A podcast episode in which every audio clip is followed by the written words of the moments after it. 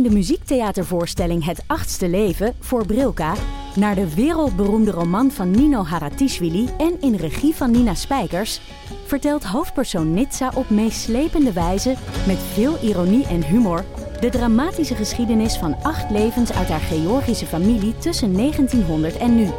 Een hartverscheurend en tegelijk troostrijk drama verteld vanuit het perspectief van vrouwen uit verschillende generaties. Waarbij het publiek meegenomen wordt op een emotionele, visuele en muzikale reis door de 20ste eeuw. Koop je tickets voor het achtste leven via oostpol.nl. En hij pakt mijn gezicht in zijn handen en hij zegt: Kaatje, dit is de realiteit, hè? Hey, ik ben Pieter van Relaas. In Relaas hoor je waar gebeurde verhalen en die worden live voor een publiek verteld door de mensen die ze zelf hebben meegemaakt. En blijkbaar, ze weten niet hoe dat, dat komt, maar sommige mensen ontdooien beter dan andere mensen. Luister naar Relaas. Je vindt ons terug op alle plaatsen waar je podcast kan beluisteren. De kip zal geen lawaai meer maken.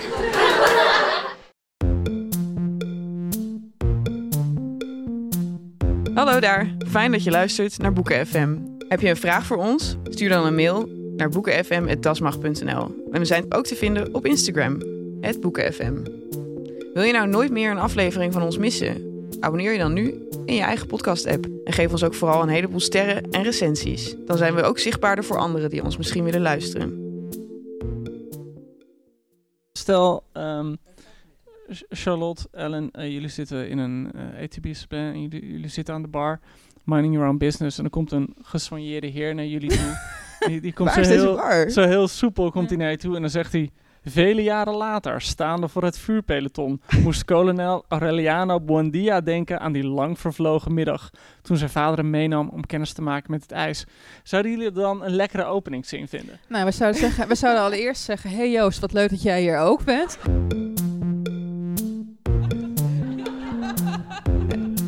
Gelukkig hebben we de tune. Ja, de tune helpt. maakt alles altijd een stukje makkelijker. En als de tune klinkt, dan moet ik natuurlijk zeggen... Hallo allemaal en welkom bij Boeken FM, de literaire podcast van Weekblad de Groene Amsterdammer en uitgeverij Das Mag. Maar we zitten vandaag niet in de studio van Dag en Nacht Media, maar zijn aanwezig bij het Internationaal Literatuurfestival Utrecht, te Utrecht. Eh, welkom allemaal. Ik ben hier met mijn collega's Joost de Vries en Ellen Dekwiet. En hoeveelste aflevering is dit ook weer? Eh, ja, dat is leuk dat je het vraagt. Eigenlijk heel toevallig dat je het vraagt. Ik wilde daar net iets over gaan zeggen. Eh, het is de honderdste aflevering van Boeken FM. Eh, jullie doen het al super lang. Ik Weet je. Ellen, weet je nog wie je was toen we de eerste opnamen? Ja, maagd. Maagd, ja, nee, ja. ja. Dus welkom allemaal. Eh, helemaal aan het einde van de aflevering hebben we misschien nog tijd voor vragen. Als we dan eh, op tijd uitgepraat zijn. Behalve als er iemand is die nu per se onmiddellijk... Hey, Hey, ja, ik. Wat? ik zie iemand... Hè? Wat? Merel. Merel? Vraag? Het is Merel. Ja, ik heb eigenlijk, eigenlijk heb ik geen. eh, voor, voor degene die is meegesleept tussen Tinder date. En Merel is onze producer en de Hallo. eeuwige onbekende. Terwijl ze ja, van ons allemaal de allerlangste is. Een soort vuurtoren. Hi, wat hi. wil je zeggen? Nou, ik heb eigenlijk geen vraag, maar een opmerking. Oh, oh. Dat, Ja. dat mag je dus nooit doen, hè? Maar goed, voor jou maken we een uitzondering. Ik ben af. Ik heb eigenlijk heel veel opmerkingen. Want ik dacht, wat is er nou leuker dan tijdens de honderdste aflevering van Boek FM een paar fun facts te vertellen Oh over jullie? Nee, over, over Boek FM. Wees niet bang. Ehm, ik dacht, het is leuk te vertellen wat onze best beluisterde top 3 is van de afgelopen jaren. Mogen we Eh, ook even gokken misschien? Ja, dat lijkt me nou een goed idee, Charlotte. Ik denk de verborgen geschiedenis. Ik denk eh, De Alchemist van Paula Coelho. Die we ook om deze reden hebben opgenomen. Omdat we het heel commercieel Het was een marketing stunt, hè? Ehm, ik denk de Harry podcast. Nou, ik had eigenlijk een top 6 gemaakt. Maar goed, Oh, Oké. Eh, Verborgen Geschiedenis. Die heeft het heel goed gedaan. En van de afgelopen tijd, eh, Anja Daaien, het lied van Ooievaar en Dromedaris. En de Alchemist heeft het inderdaad ook ontzettend veel, eh, ontzettend goed gedaan. En wat ik heel grappig vond, is dat je dus ook kan kijken eh, met welke aflevering je nieuwe luisteraars binnensleept. En dat was dus met de Alchemist. Dus Dit dat meen je niet. We moeten gewoon alleen maar zelf hulpboeken gaan doen. Volgens van. Maar we hebben dat toen ook een elf gegeven. Ja. ja, kan niet beter, toch? En ehm, wie denken jullie eigenlijk dat er het langst host is geweest van Boeken FM? Nou, ik denk Peter Buurman hebben we redelijk snel weggepest. Was Het pijnlijk. moet Bob zijn. Ja, nee, dat denk ik niet. Ik denk toch dat jij onze langst... Dat Jij? jij... je- je, Oh. staat nog steeds. Echt waar? Ja. De langstzittende host van Boeken FM is Charlotte Remarque. Oh. Yay! dankjewel, dankjewel. Het zou wel heel grappig zijn als dit dan ook het einde was. Ja. ja. Maar weet jij hoeveel afleveringen je al hebt meegedaan? Eh, ik, Doe eens een gok. ik, Oké, ik denk, eh, want vroeger namen jullie niet zo heel vaak op. Eh, dus ik ga gokken misschien wel 30 of zo. 55. Ongelooflijk. Ja. Dan moet je je voorstellen, dat toen je begon, had je nog niet eens 55 boeken gelezen. Dan wil ik ook nog even een eervolle, Jong- jongens, even concentratie. ja, even concentratie, een eervolle vermelding doen aan onze fav- favoriete vriendin van de show, die toevallig hier ook in de zaal zit. Marja Pruis. Marja Pruis. En de lieve Marja Pruis heeft al 15 keer met ons meegedaan. Dus dat is ook best wel een goede score. Ehm, ja, er, er stuurde laatst iemand een berichtje op Instagram. Die zei: Ja, ik wil wel dat jullie even wat meer hedendaagse literatuur gaan bespreken. Want al die klassiekers de hele tijd is niks voor mij. Toen zei ik: Nou, volgens mij valt dat wel mee. En toen eh, zat ik vanochtend te tellen achter mijn laptopje. En ik heb even geteld. De hedendaagse literatuur, en daar heb ik dan even vanaf 2000 tot nu toegenomen, zijn we 64 titels. Dus echt best wel veel. Ehm, ouder, heb ik hier opgeschreven, dus voor 2000. 19. En we hebben 12 klassiekers besproken. Nou, en als 12, laatst... dat is heel want- weinig. Oké. Wat zeg je? Dat 12 klassiekers heel weinig is. Ik, dacht Nou, zo'n- ik wou namelijk leuke net voor de gaan zeggen van, oh, we gaan weer eens een klassieker doen. Maar dat is dus helemaal niet waar. Oké, ga verder. Ehm, ja, deze vind ik wel leuk om mee af te sluiten, want we hebben iets korter dan eh, gewoonlijk. We doen er vandaag drie kwartier over in plaats van een uur. Ehm, dat er namelijk één aflevering nog komt, waarin we unaniem een 10 geven. Ja, daar, is er bij ik ben een heel benieuwd. eh. misschien moeten we... Ja, dat is leuk. We doen een prijsvraag. Over welk boek gaat dit? Die mogen jullie aan het einde van de aflevering, willen we dat dan horen inderdaad, van de mensen die een gok willen doen. Ja. Eh, ik weet niet wat er te winnen valt. Nou, een feesthoedje, dat sowieso. Ehm, en dan eh, Een gesigneerd feestdoekje van een jullie. gesigneerd feesthoedje staat op het spel. De unanieme 10, die we, dat is misschien wel goed om te, erbij te zeggen, gisteren hebben opgenomen. Dus dat is misschien een hint, of juist niet. Ehm dankjewel, Merel. Was dat het? Joe, Ja, voor je vraag. Joe, Merel. Doei. Ehm, ja, dan zie ik jullie denken van... waarom heb je nou weer zo'n eh, hoeksteen van de literatuur op schoot liggen... en niet gewoon een leuke Francine Omen of zo. Ehm, helaas, eh, het was de honderdste aflevering... dus we moesten het doen natuurlijk over 100 jaar eenzaamheid... van Gabriel Garcia Marquez. En eh, belangrijke guy, Nobelprijswinnaar... Ehm, en ik weet dat jij eh, hem van binnen en van buiten kent, Joost. Dus misschien wil jij daar wat over vertellen. Gabriel Garcia Marquez. werd geboren in 1927. Wat ik heel grappig vind aan eh, Garcia Marquez, hij werd dus inderdaad geboren in 27, maar dat hij vanaf dat moment altijd loog over zijn leeftijd. Oh. Ik bedoel, je hoort het niet heel vaak dat, eh, nou ik wil niet heel erg gaan genderen, maar je hoort niet heel vaak dat mannen het doen. Maar hij heeft dus allemaal essays in zijn jongere jaren geschreven, zei hij van, ik was 16 toen ik dit en dit deed. En dan was hij gewoon 21. Dus er is iemand, en hij heeft daarna, heeft hij, hij heeft later in zijn leven, heeft hij heel veel, hij heeft een aantal hele mooie memoires geschreven. Ehm, en die staan ook vol met leugens. Dus het is echt iemand die niet op een normale manier over zijn leven kon vertellen. En dat had hij als kind dus al. Dus zijn vader had een hele moeilijke relatie met zijn vader, omdat hij altijd loog. En die vader zei gewoon, die jongen is een geboren leugenaar. En ja, hij zelf zei hij dus dat hij dat heel erg had van zijn, van zijn, ehm, Moeder. van zijn oma. Van zijn oma. Hij had een oma en die vertelde altijd hele grote verhalen. En die vertelde ook over geesten en over verschijningen. Alsof het allemaal de normaalste zaken ter wereld was. Dus zelf voerde hij dat heel erg aan als... Hè, we gaan het vast over het magisch realisme van hem hebben. Dat, zo kwam dat eigenlijk zijn leven in. Dat hij een oma had die gewoon allemaal van dit soort verhalen had. Het was ook een man die... die eh, ja, hij loog niet alleen over zijn leeftijd en andere dingen. Hij was wel echt als schrijver, zeker nadat hij eenmaal... eh, 100 jaar eenzaamheid publiceerde en daarmee 50 miljoen exemplaren verkocht. Eh Nobelprijs kreeg uiteindelijk. En die heel erg bezig was zijn imago hoog te houden. Hij had wel een soort van ultiem idee eh, van wat een kunstenaar moet zijn. Dus, dus hij leefde wel helemaal het idee van er moet een, een grote kunstenaar zijn. En als kunstenaar moet je geëngageerd zijn en je moet larger than life zijn. Hij papte ook heel erg aan met politici en zo, Hij toch? ja, en met celebrities. Op het laatst is nog goed met Shakira. Nou, eh, niet verkeerd. Maar bijvoorbeeld ook, moet je je voorstellen, dat in 82 eh, eh, ging hij zijn Nobelprijs ophalen. En toen had hij een soort van cowboylaarzen aan en een soort linnen pak. Dat een, een- ja, ik weet niet precies hoe ik het moet uitleggen. Een soort linnen pak dat, dat in eh, Colombia door de arbeidersklasse wordt gedragen. Dus dan kwam hij dan zo aan van kijk eens, ik ben normaal. Terwijl hij nog nooit in zijn leven dat pak aan had gehad. En wat ik ook heel typisch vond, eh, eh, we mogen niet te lang uitweiden van altijd, maar ik wil het toch heel even over Hemingway hebben. Toen Hemingway eh, stierf, die pleegde zelfmoord met een, een jachtgeweer, toen schreef hij een heel groot stuk in de krant met een grote man stierf een natuurlijke dood. En want dat was volgens hem hoe je als, als grote man hoorde te leven. En ik heb dan één anekdote. Ehm, op een gegeven moment was hij in de jaren 50 in Parijs, Garcia Marquez. En ehm, toen liep hij over straat en toen zag hij dus Hemingway lopen met zijn vrouw.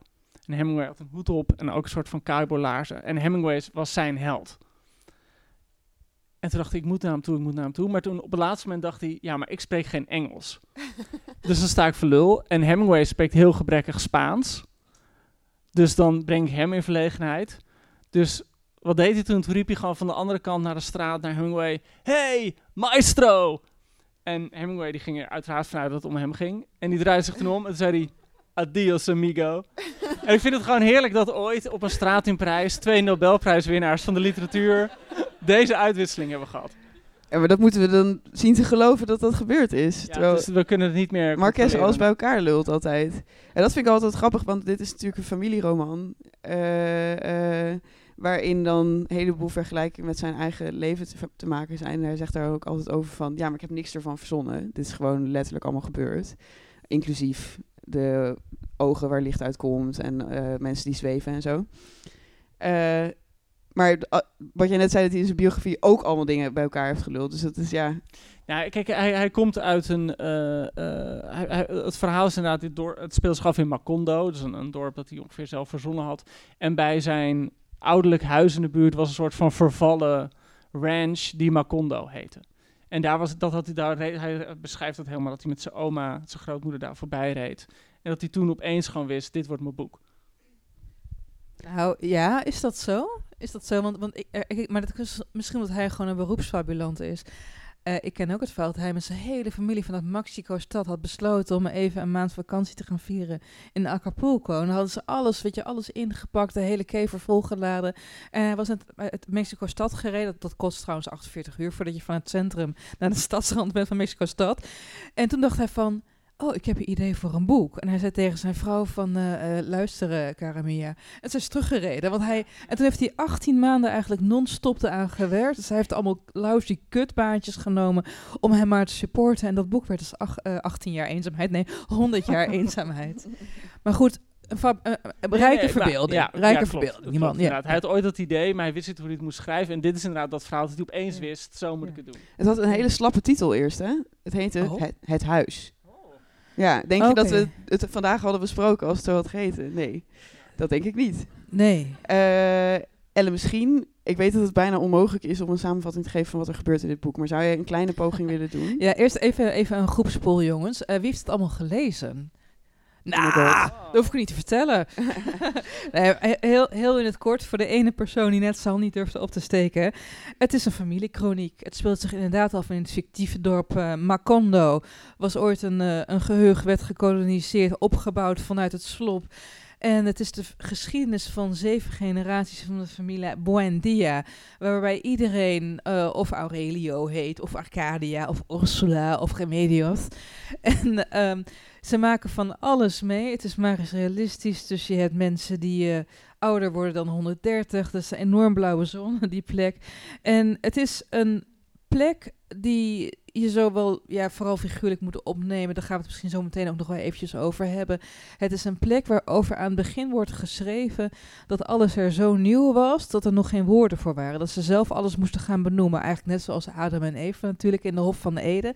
En je zou daarmee kunnen zeggen dat Marquez ook de inzet heel hoog doet. Want dit is een soort van ja, parabelhaast, hè? een schepping van een wereld. En in het geval van 100 jaar eenzaamheid is het een wereld die ja, heel Latijns-Amerika eigenlijk vertegenwoordigt. Hoe het is gekoloniseerd, hoe de sporen van de indigenous people er zijn verdwenen, hoe het een smeltkroes werd. Maar ook uh, hoe bepaalde belangrijke gebeurtenissen in de Colombiaanse geschiedenis hun plek krijgen in het verhaal. Je had in Colombia van 1948 tot 1958 een periode die ze La Violenza noemde, waarbij uh, liberale facties het tegen conservatieve facties opnamen. Een burgeroorlog van je welst. Enkele van de personages van Marquez vechten daarin ook mee.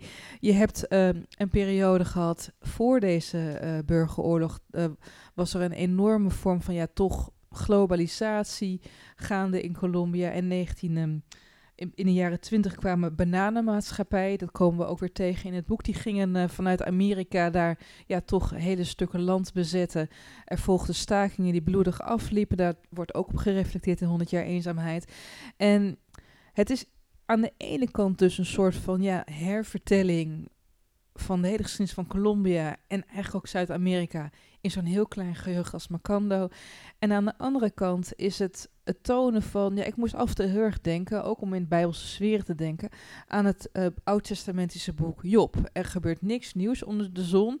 Mensen zijn slecht en alleen maar met zichzelf bezig. En ik weet niet of het jullie ook is opgevallen, maar die personages zijn allemaal zo egocentrisch als de pest.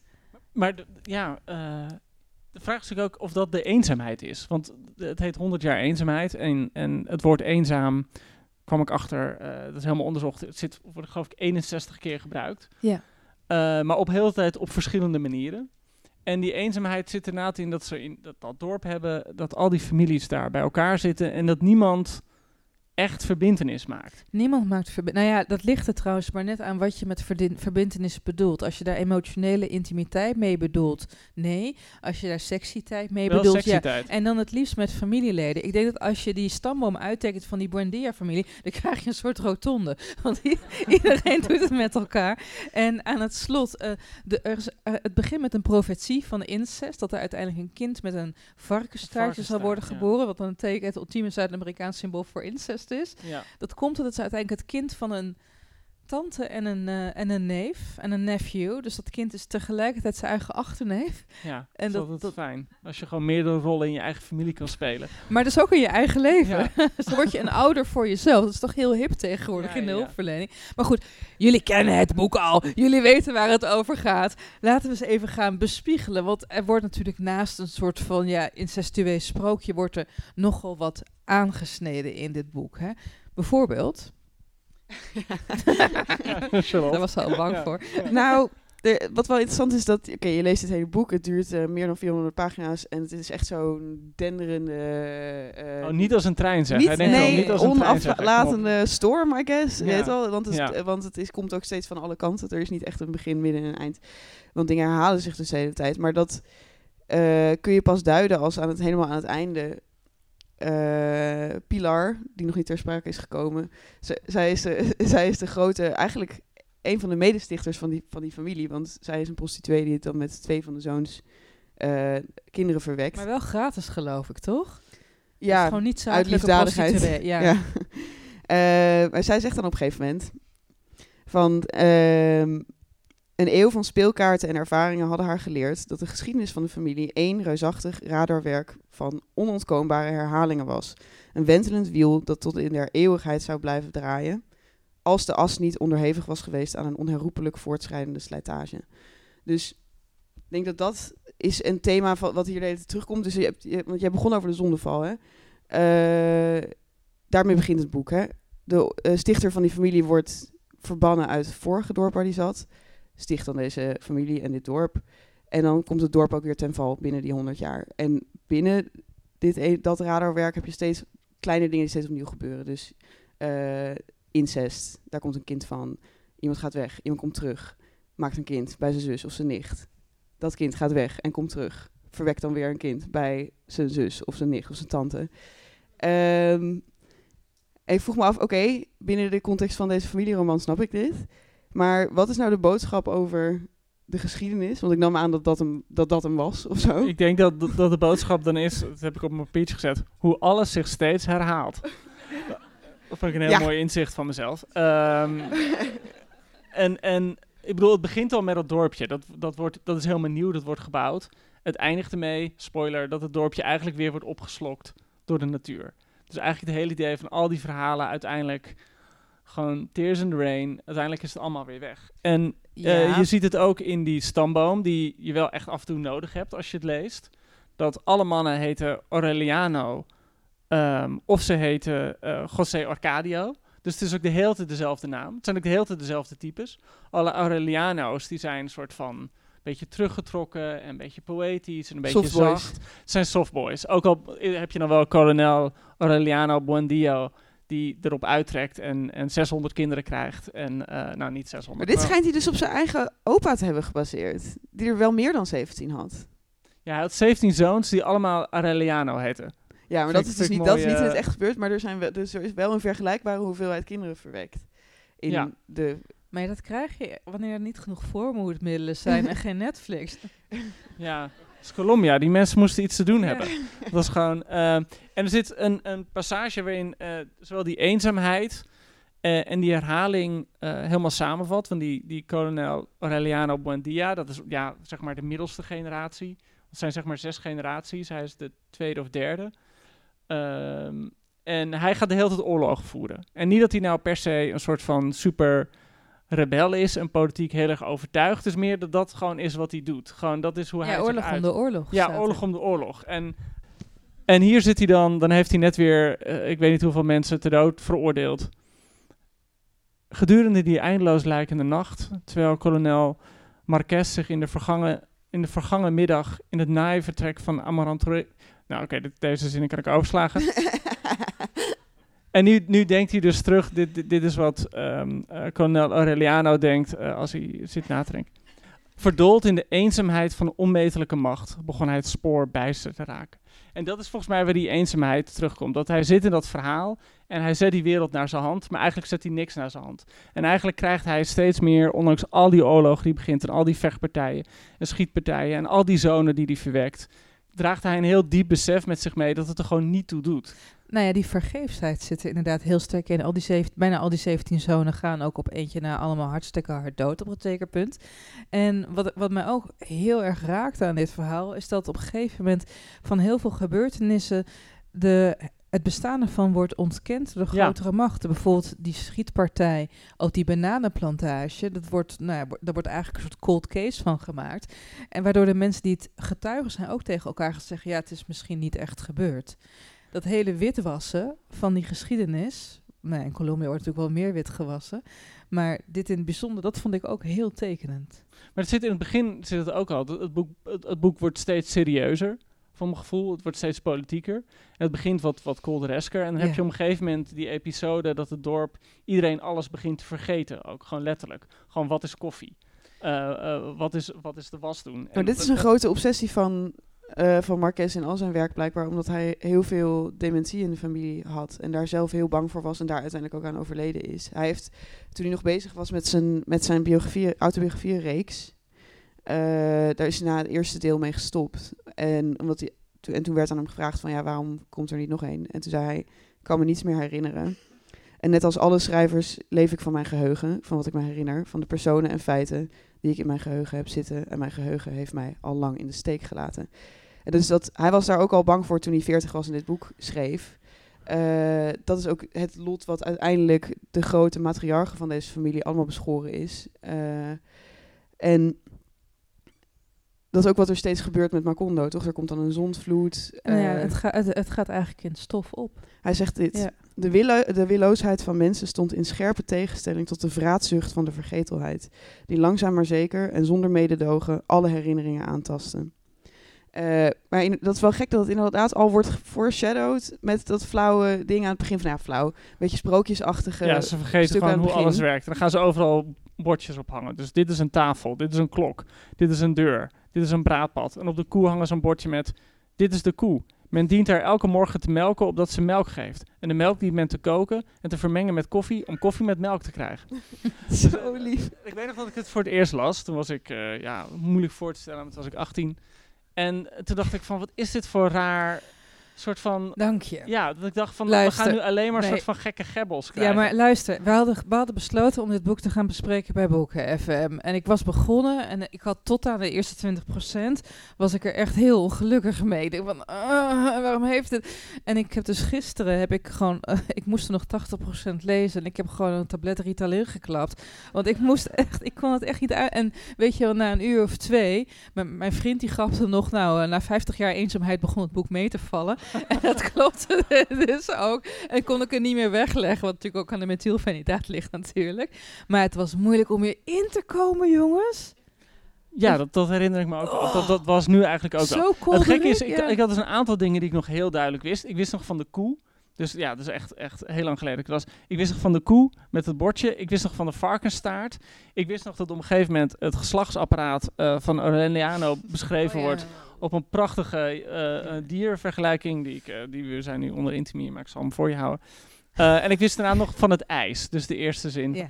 En maar voor de rest was ik heel veel. En dus ik had nu ook, je begint en dan denk je, goh, wat. wat en langzaam begint het te stuwen en, en wordt het meer dan dat dorp. En, en zie je al die thema's terugkomen. Wat Ik wel- begon bij de derde, vierde generatie wel echt in de war te raken hoor. Ik vond het begin een stuk makkelijker te begrijpen toen Ja? er nog gewoon één patriarch was. En, en, en oké, één externe prostituee en... en Het is wat fijn als de prostituees extern zijn, inderdaad. Ja.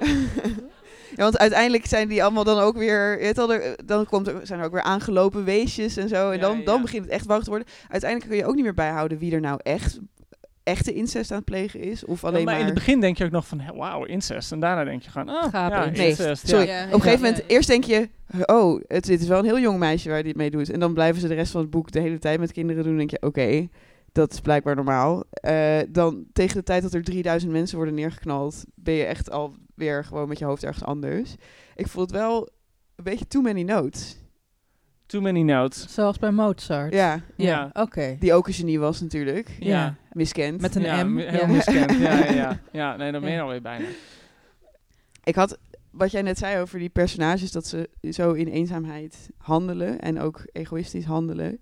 En elkaar niet echt per se iets willen geven ooit. Eh, dat maakte het voor mij wel een, een moeilijk boek om eh, greep op te krijgen. Omdat er zo weinig echte liefde tussen die mensen bestaat. Ja, soms worden ze dan heel vurig verliefd. En dan moeten ze iemand echt hebben. Of ja, desnoods met geweld, wat ook de hele tijd gebeurt. Eh, of dan hebben ze uit plichtsgevoel dat ze voor dat huis zorgen. Of bijvoorbeeld voor de, de oude vader die ver- vergroeid is met de kastanjeboom in de tuin. Ehm, dat ze dan af en toe kwijl van zijn kin komen vegen of zo. Maar het is altijd met heel veel soort van bittere eh, toewijding. En nooit met... Niemand is ooit blij of zo. Maar je had ook geen personage dat je, speci- dat je specifiek aansprak. Nou, de allerleukste is natuurlijk Amarante Ursula. Zij komt helemaal aan... Jawel, tuurlijk. Zij komt... zij is helemaal aan het einde. En zij wordt beschreven als een moderne vrouw. Ik dacht echt van... Ach, eindelijk. Iemand die ik begrijp. Of- Ja. Weet je wat zij doet? Zij gaat naar Brussel om te studeren. Daar ontmoet ze een rijke vent. Die is zo verliefd op haar... dat, hij, dat zij hem rondleidt aan een zijde dingetje om zijn nek. Een dat- riempje, toch? Ja, dat doet hij gewoon. Ja, hij wordt gewoon de hele tijd door haar voortgetrokken. En dit, dit sprak jou wel aan. Ja, en zij komt terug naar Macondo en zij is zo van, alles is hier verzakt, er zijn overal mieren, maar ik ga het gewoon fixen, ik ga dit hele huis opknappen. Toen dacht ik van, ja, eindelijk iemand in deze familie die niet druk bezig is met incest om gewoon... Lu- ze krijgt een kind van haar En neefje. dan, en dan... Oké. maar ja, maar dat was niet haar idee. Nee, oké. nee. Ja, hebben jullie een favoriet personage? Ja, ik, wat, wat ik heel leuk vond, ik bedoel, een, eh, je wat, jongens, even, eerst even handen. Die Ursula Amaranta, wie, wie was, wiens lievelingspersonage was dat? Wie weet Niemand wie weet het. Iedereen Nee, was het ook is- Ritalin aan Het is de allerlaatste vrouw in het, in het geslacht. Zij is degene die uiteindelijk het varkenskindje krijgt. Ehm, Mooi woord is dat, varkenskindje. Dat hoor je zelden uit. Een biggenkind. ja. Ik vond, ik vond Remedios de Schone Ja. vond ik heel erg leuk. Hou op, Ja, ja, een soort kind. I loved it. Dat is iemand die er gewoon uitziet als wij, weet ik veel, Christy Turling, Turlington. Of voor de mensen die er echt te jong voor zijn, Ja, eh, is Gigi Hadid.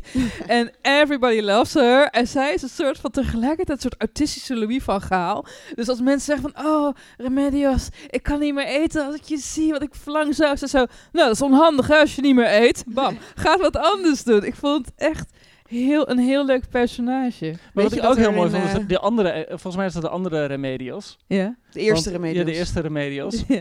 eh, die dan eh, echt nog een klein kind is als ze moet trouwen. Ja, ze moet, ze moet daarmee wachten tot ze geslachtsrijp Ja, is. ja, Ja, ze, dat is ze, plas, ze plast nog in bed en ze speelt nog met pop. Maar dan trouwen ze, ja. En dan trouwen ze. En dan het eerste dat ze doet is gewoon de taart snijden. En die brengt ze dan zo naar die patriarch toe die aan de boom zit. Dus aan de ene kant is het wel een kind. En eh, la- laten we ook niet casual doen over dat ze een kind is en zo moet trouwen. Eh, maar wel zo'n soort van formidabel op haar eigen manier. Een soort van... Je bedoelt dienstbaar. Nee, niet dienstbaar. Nee, nee, nee. vrouw. Ze- Nee, niemand. Ze niemand dwingt haar om die taart aan toe te brengen. Ze snapt gewoon, dit is het... Ja, Nee, dat- ze is een- ze ze- nee. is een Ja, echte Buendia in die zin dat zij wel echt ook, zo, ook op haar elfde al een matriarch is. Zij begrijpt meteen de familie samenstelling en is er, ja, ik weet niet, ze neemt heel erg de rol van Ursula op zich. Dan gaat ze uiteraard onmiddellijk dood. Nou ja, eh, wat met alle leuke personages gebeurt. Weet je trouwens dat ze van Remedios de Schone een standbeeld hebben neergezet ja. in Arakataka, het geboortedorp? Zeg dat nog eens? Nee, dat ga ik ik moest er nog even kijken ook. Want er zit, voor mijn gevoel zit er één lettergrip te veel in. Maar eh, daar, eh, dat is een van de weinige dingen eh, die in het geboortedorp van Marques over is gehouden aan het grote succes van dit boek. Wat ik wel interessant vind, want je zou denken dat ze daar een soort enorme pelgrimage van maken. Maar dat is dus niet zo. Ze hebben dan in dat geboortehuis, het huis van zijn grootouders, hebben ze wel een soort museumpje ingericht. En ook een verre neef van hem ingehuurd om daar de, de, de tour te geven. Maar er waren eigenlijk helemaal geen spullen meer die iets met hem te maken hadden. En die neef had hem ook niet echt gekend. Dus ja, dat is wel wel een beetje tragisch of zo. En dit is een, st- een stuk dat in de Goede Amsterdam heeft gestaan een tijdje geleden. Eh, eh, wat bleek, iedereen die daar woont eh, kent de boeken helemaal niet. Ze zijn er wel heel trots dat hij daar vandaan komt.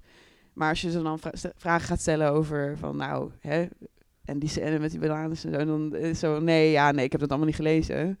Dus dat is echt wel, da- daar moest ik, ik vond dat zo tragisch, omdat daar gaat het boek natuurlijk ook de hele tijd over dat Vergetelheid. de, nou, dat Ja. de familie ook met hoe bizar deze familie ook is, hè, met die generaal en die duizend kinderen en de oprichter die het hele dorp ook heeft gemaakt, wordt er ook gewoon vergeten. Binnen hun leven nog weten, weten mensen niet meer wie deze familie is. En moet je echt zo naar de allerskeerste kroeg, de alleroudste persoon daarnaar vragen en die weet het dan misschien nog of zo. Dat is, dat is natuurlijk de tragiek. Je wordt weer opgeslokt en geniveleerd door de grote wereldgeschiedenis. En uiteindelijk vergeten. Ja, nou ja, al is dat Marques nog, nog niet per se aan het lukken. Nee. Ehm, jij wilde misschien wel een en ander zeggen over hoe er nu nog over hem De gedacht wordt, toch? legacy of Marquez. Ja, Nou, hij, hij, hij, hij, heeft, hij heeft een manier gevonden van spreken, vertellen over Latijns-Amerika, waarin hij wat je dan inheemse verhaaltradities mixt met de Spaanse, met nou ook de katholieke verhaaltradities. Het is heel episch geworden. En ehm, ik, ik ben een aantal keer in Zuid-Amerika geweest en heb je het ook over literaire impact. En ik vroeg aan een aantal jonge schrijvers van jongens, wat vinden jullie van Marquez? En iedereen haat hem daar. Althans, als je een schrijver onder de 35, 40 bent, vinden ze hem verschrikkelijk. En dat ligt niet eens aan de inhoud van zijn werk, maar hij heeft een bepaald soort vorm gemaakt. En uitgevers die zeggen van ja luister, je kan nu met een boek komen, maar we willen wel dat het een beetje Marquez-achtig is en dan kun je het ook internationaal beter in de markt zetten. We willen gewoon dat het typisch Zuid-Amerikaans is, namelijk typisch Marquez-achtig. En de grap is dat, dat dat dorp heet Macando. En ik moest altijd aan Wakanda denken, weet je, alsof het een soort... eh, Mac- Macando forever. Maar die jonge schrijvers die noemen het dus Muck van McDonald's Kando. Omdat het echt een soort Oh. van franchise is geworden. Tegelijkertijd, als je het hebt over legacy... Ze hebben wel eens Salman Rushdie eh, gevraagd... die ook hier op het festival ergens eh, digitaal schijnt eh, rond te lopen. Gevraagd van... Hij is eh, nog aan het bufferen. hij is een buffer, Ja. hij is een buffer. ja, ja, ja, ja. Als er maar, ik ga geen grappen maken over.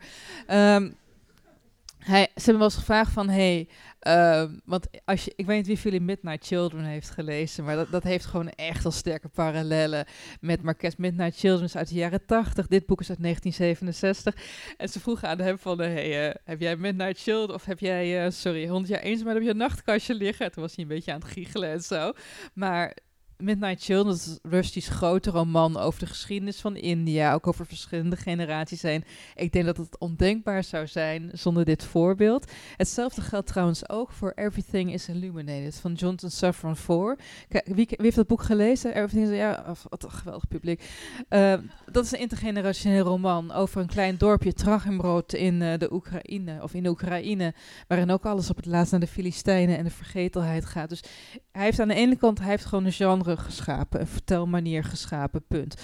Aan de andere kant, ik heb echt veel jonge schrijvers ontmoet in Latijns-Amerika die hem echt gewoon wel kunnen wurgen daarom. Want wat bedoelen die eh, eh, op geld beluste uitgevers dan als ze het he- hebben over typische Luister, lu- luister. Ik luister. Ik, ik, ik probeer wel eens, ik, ik probeer wel eens een zeer populaire, althans vindt hij zelf uitgever te fucken. Die probeert dan mij vreemd te laten gaan met, qua uitgever. En dan komt hij op feestjes naar me toe. Ik zit bij uitgeverij Pluim, beste uitgeverij ooit, komt er allemaal bij. En dan komt hij op feestjes naar me toe. Hij zo, ben je nog een boek aan het schrijven wat we misschien kunnen kopen? En zeg ik, ja, het gaat over de gereformeerde jeugd van mijn moeder. En die nu in transitie is. En dan zie je hem al bijna flauw vallen, weet je wel. Want op dat soort Nederlandse boeken zit de buitenlandse markt te wachten. Je moet het vooral ook hebben, een beetje zoals Gerbrand Bakker. Boven is het stil. Een beetje heel veel weides, heel veel koeien, heel veel eenzaamheid. Het is wel grappig, want wat je net vertelde, dat hebben dus heel veel Indiaanse schrijvers eh, met Midnight's Children. Ja, dat oh ja. iedereen van ze verwacht dat ze Midnight's Children schrijven. Ja, dus indirect is Marquez ook de vloek voor ja, India. Maar is het dan, Ja. eh, wat heel erg ook in de Caribische literatuur zit, gewoon dat er altijd een salamander is die ook iemands moeder is of zo? Ja, of tegen je gaat praten of een dansje doet, ja. Eh, dat noemen we magisch realisme. Eh, dat zit helemaal niet in onze eigen literaire traditie. Hoe, eh, Mm, ja. Zelden, ja. Als je de Vla nou, Hubert Lam, is een Vlaming, Hubert Lampo natuurlijk. Oh, Kom Joachim Stiller. Oh, Heerlijk ja, boek. Ja, Ja, ja. sorry. Maar, maar, maar, maar, maar vooral Peter Verhelst, Buttel Ja, Tomcat, is ja. echt wel, eh, nou, Oh, ja. meer dan, is niet eens realistisch trouwens, dat is gewoon magisch. Maar het is meer Zuid-Amerikaans. Want ik zat dit te, eh, te lezen en ik dacht van ja, oké, eh, iemand heeft dan nu inderdaad eh, licht uit de ogen of eh, wordt 130 of... Heeft een wolk vlinders Of die is- overal of- achter hem aanzweven. Ja, precies, inderdaad. Wat is daar dan realisme aan? Nee, Nee, nee. Ja, hoe werkt nee, het? Het is luister. magisch het Want kijk, het is, ik snap het magisch onderdeel, snap ik. En je zou ook kunnen zeggen, oh, het is een Nee, maar realistisch het- roman. het is magisch realistisch in de zin dat het opgeschreven is alsof het magische heel normaal is. Maar dat is toch altijd zo, ook in fantasy en zo. Nee, maar het realistische is dat het een veel sterkere binding met de wereldgeschiedenis heeft, of in dit geval de Colombiaanse geschiedenis, fantasy. dan ja. fantasy. Kijk, Oh ja. je zou van fantasy kunnen zeggen, in de, eh, in de band van de ring, dat is gewoon de Eerste Wereldoorlog met wat trollen en wat elfjes en zo. Maar in dit geval is het feit dat er iets sprookjesachtigs van hele gruwelijke gebeurtenissen wordt gemaakt. En ook van hele gruwelijke aspecten, niet per se van de typisch Zuid-Amerikaanse mensen, maar de mensen in het algemeen. Dat wordt haast verdoezeld door er een soort magisch chroomlaagje overheen te doen, wat je echt als lezer wel doorziet, waardoor de hardere kern des te groter en meer als een klap aankomt. Ik denk dat dat een kunstgreep is waar ook in dit boek heel veel gebruik van is gemaakt. Hm. Om het harde nog meer te laten schrijnen. En het is ook vaak zo met vrolijke, voor iedereen die La Vita e Bella heeft gezien van Benigni. Eh, Roberto Benigni, zeg ik dat goed? Ja, zo- ja. Ja, ik zeg Ja, altijd, ik zal nee, nee, nee, als ik een Italiaan bedoel, dan klinkt het alsof ik het wel een goede eind heb. Dat is dan een hele vrolijke film waarin de vader allemaal grapjes maakt voor zijn zoontje, terwijl ze worden geïnterneerd in een vernietigingskamp. En pas op het laatst die pa wordt doodgeschoten, valt er echt niks meer te lachen. En Ja, daarom heb ik dat, dat hoedje al een tijdje geleden afgezet. ja, ik, ik hou het nog even dapper vol, maar dat is mijn magische kant, denk ik. Dat ik hoop dat we uiteindelijk in die feestsfeer zullen verblijven. Anders krijgen we niet uitbetaald door het eeuwvoer. Als we zometeen met z'n allen zwaar depressieve levensmoe. Deze, weet je, en, en we nemen op op de tigste verdieping. Hè. Het is super gevaarlijk om. Zullen we het over iets vrolijks hebben? Ja, de stijl. Wat, de stijl van het boek. Laat, stel, stel ehm, Ch- Charlotte, Ellen, eh, jullie zitten in een ATB-splan en jullie, jullie zitten aan de bar, minding your own business. En er komt een gesoigneerde heer naar jullie toe. Die, die komt Waar zo heel, bar? zo heel soepel komt hij naar je toe en dan zegt hij... Vele jaren later, staande voor het vuurpeloton, moest kolonel Aureliano Buendia denken aan die lang vervlogen middag, toen zijn vader hem meenam om kennis te maken met het ijs. Zouden jullie dan een lekkere openingszin vinden? Nou, we zouden, zeggen, we zouden allereerst zeggen... hey Joost, wat leuk dat jij hier ook bent. we hadden je toch hadden je geappt dat we ergens anders zouden zitten... maar je ruikt ons toch altijd...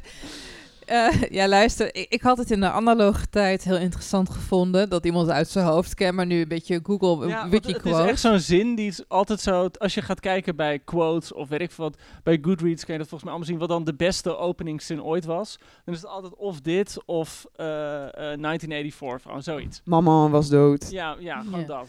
Eh, maar ik, ik hoor in je, ergens in jouw toon dat jij het er niet mee eens bent dat dit een geweldige openingszin is. Ja, grappig genoeg. Microfoon. Dacht, eh, ben dat zo gewend dat ik gewoon kan praten en dat, dat vanzelf Mensen gaat. toch wel luisteren. lu- Ja, ja. Eh, nee, gek genoeg ging ik, ging ik beter. Maar wat ik heel opmerkelijk vond om te, te eh, lezen dus. Want ik, ik vind deze zin, dit is voor mij precies hoe je niet een boek moet. Ik vind het heel irritant omdat het zo bedacht is. Ah, jammer dat hij dood is, anders hadden we even... Hadden we hem even kunnen bellen. Ik, maar, ja, of appen. En, ehm, maar ik vond eigenlijk het heel mooi eh, beeldend geschreven. Ik had er helemaal geen last van. Maar ik, daarom vond ik het juist zo grappig om te lezen toen ik ging voorbereiden. Dat Hemingway zijn grote voorbeeld was. Ja. Die van die Ja. hele stille zinnen had. Heel kort. heel alle- uitgebeend. Ja. ja. gewoon alle adjectieven weggestreept. Terwijl dit gaat gewoon maar door. Dat is ook een beroemde openingszin, toch? Call me Ismail. Denk je dat... Oh, lieverd. dat is Moby Dick. Oh, kut. Welke is van hem ook weer? Wat is de Eh, openingszin van The Old Man and the Sea? Eh, Maar dat boeit niet. Er we was een maar- old man. Jongens, jongens, jongens, nee, luister. We hebben nog maar vijf minuten, dus we Oh, moeten een mening gaan geven. Dus je bent echt saved by the bell. Ehm, Joost, uiteindelijke mening over dit boek.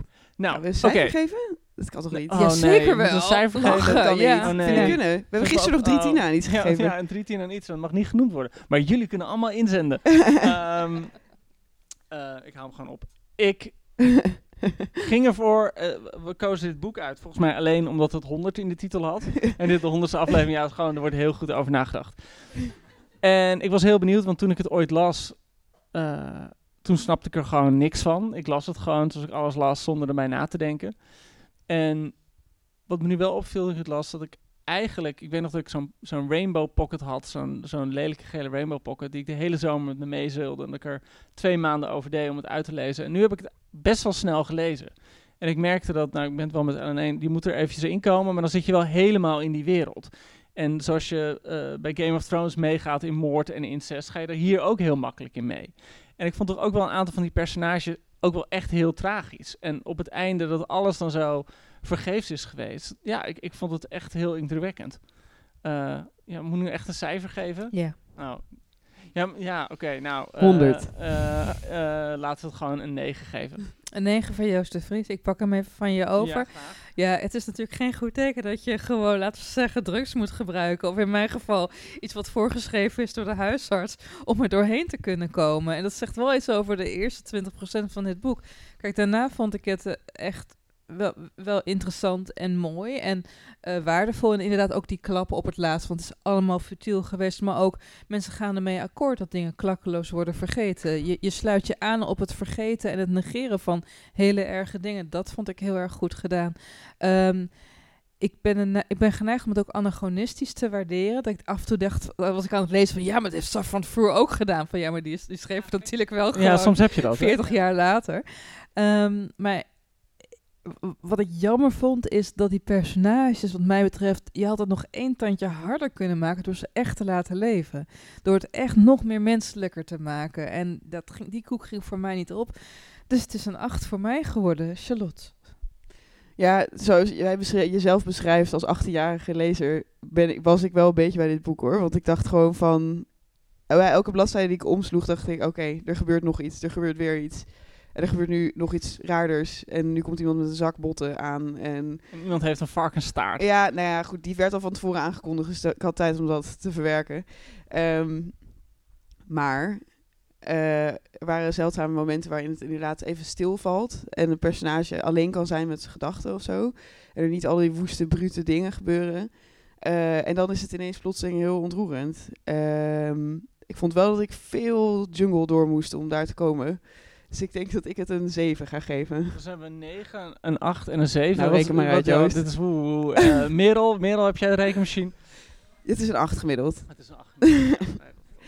Eh, dan zou ik eigenlijk... We hebben misschien eh, tijd voor... We hebben eh anderhalf minuut over. We hebben een Wat tijd doen voor we een korte Oh, daar is een vraag. Dat is meteen een vraag. Eén vraag. Oh, wacht, daar komt En daarna hebben we ook nog tijd voor een paar gokken van wat het boek is dat we gisteren hebben besproken. Ik wil even teruggrijpen op de aflevering van vorige keer. Eh, jullie hebben de vertaler niet genoemd. Ik weet niet, want er zijn, er zijn Oh. verschillende vertalingen. Ik heb de vertaling, heb ik hier staan, eh, van CAG van den Broek. Die heb ik ook. Dat is, ik heb deze oude Want versie. volgens mij is de uitgave van de- op het is plaatje een hier nieuwe. is, eh, is van 2017. Heb jij de nieuwe versie gelezen? Ik ga heel even kijken welke vertaling ik heb op mijn e-reader, maar mijn e-reader is zo tra- traag. Oh, maar dit is een hele scherpe vraag. Dit Ja. is, eh, mensen moeten ons hier aan blijven houden. Ik heb hem. Oké. Marjolein Sabarte Bella Corto. En ik- ik vond dat, is of ben jij 2000 dat? Nee, dat ben ik niet.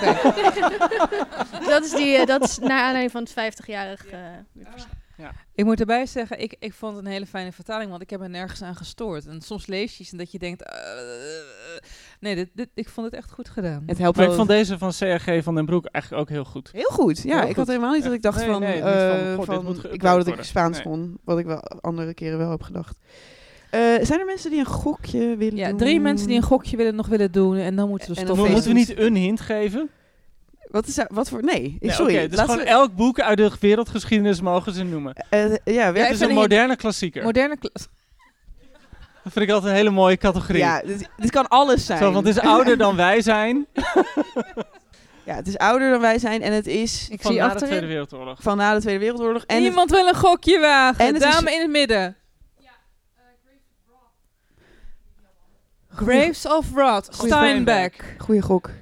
Ja, nee. Helaas Nee. niet. Helaas Nee. niet. Nee. Helemaal achterin. G- Geel. Turks Oh, fruit. Turks was ook een mooie Druiven, geweest. fruit. I love this. warm. Ja? De avonden. Nee, Avonden. die hebben we gedaan, toch? Ja, hebben... Ja. Nou, we hebben ooit een keer iets Ben over jij grote geen drie trouwe... gedaan. Oh, nee, nee. de- rustig, rustig, rustig. Nee, we hebben hem een keer tussen neus en lippen Tussen doorgedaan. neus de en lippen avonden. door. Ja.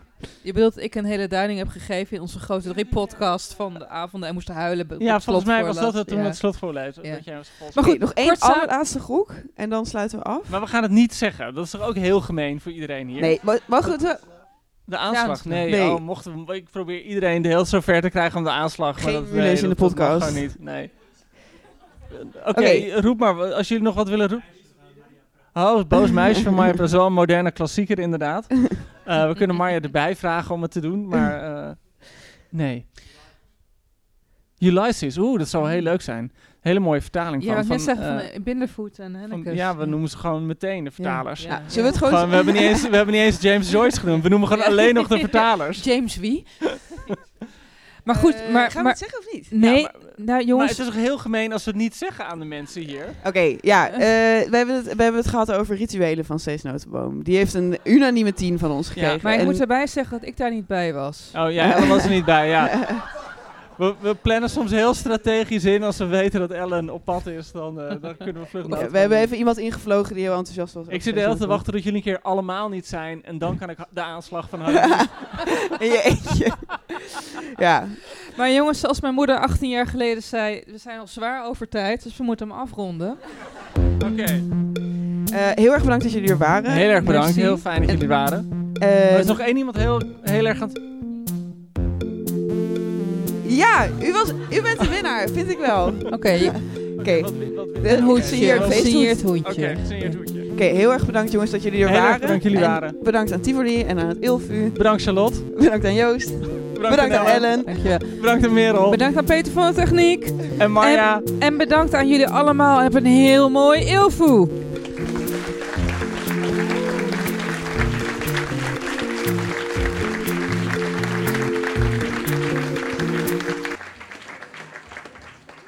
Even over die grootse en epische muziektheatervoorstelling. Het achtste leven voor Brilka is een marathonvoorstelling van 5 uur. Koop je tickets voor deze bijzondere theateravond via oostpol.nl.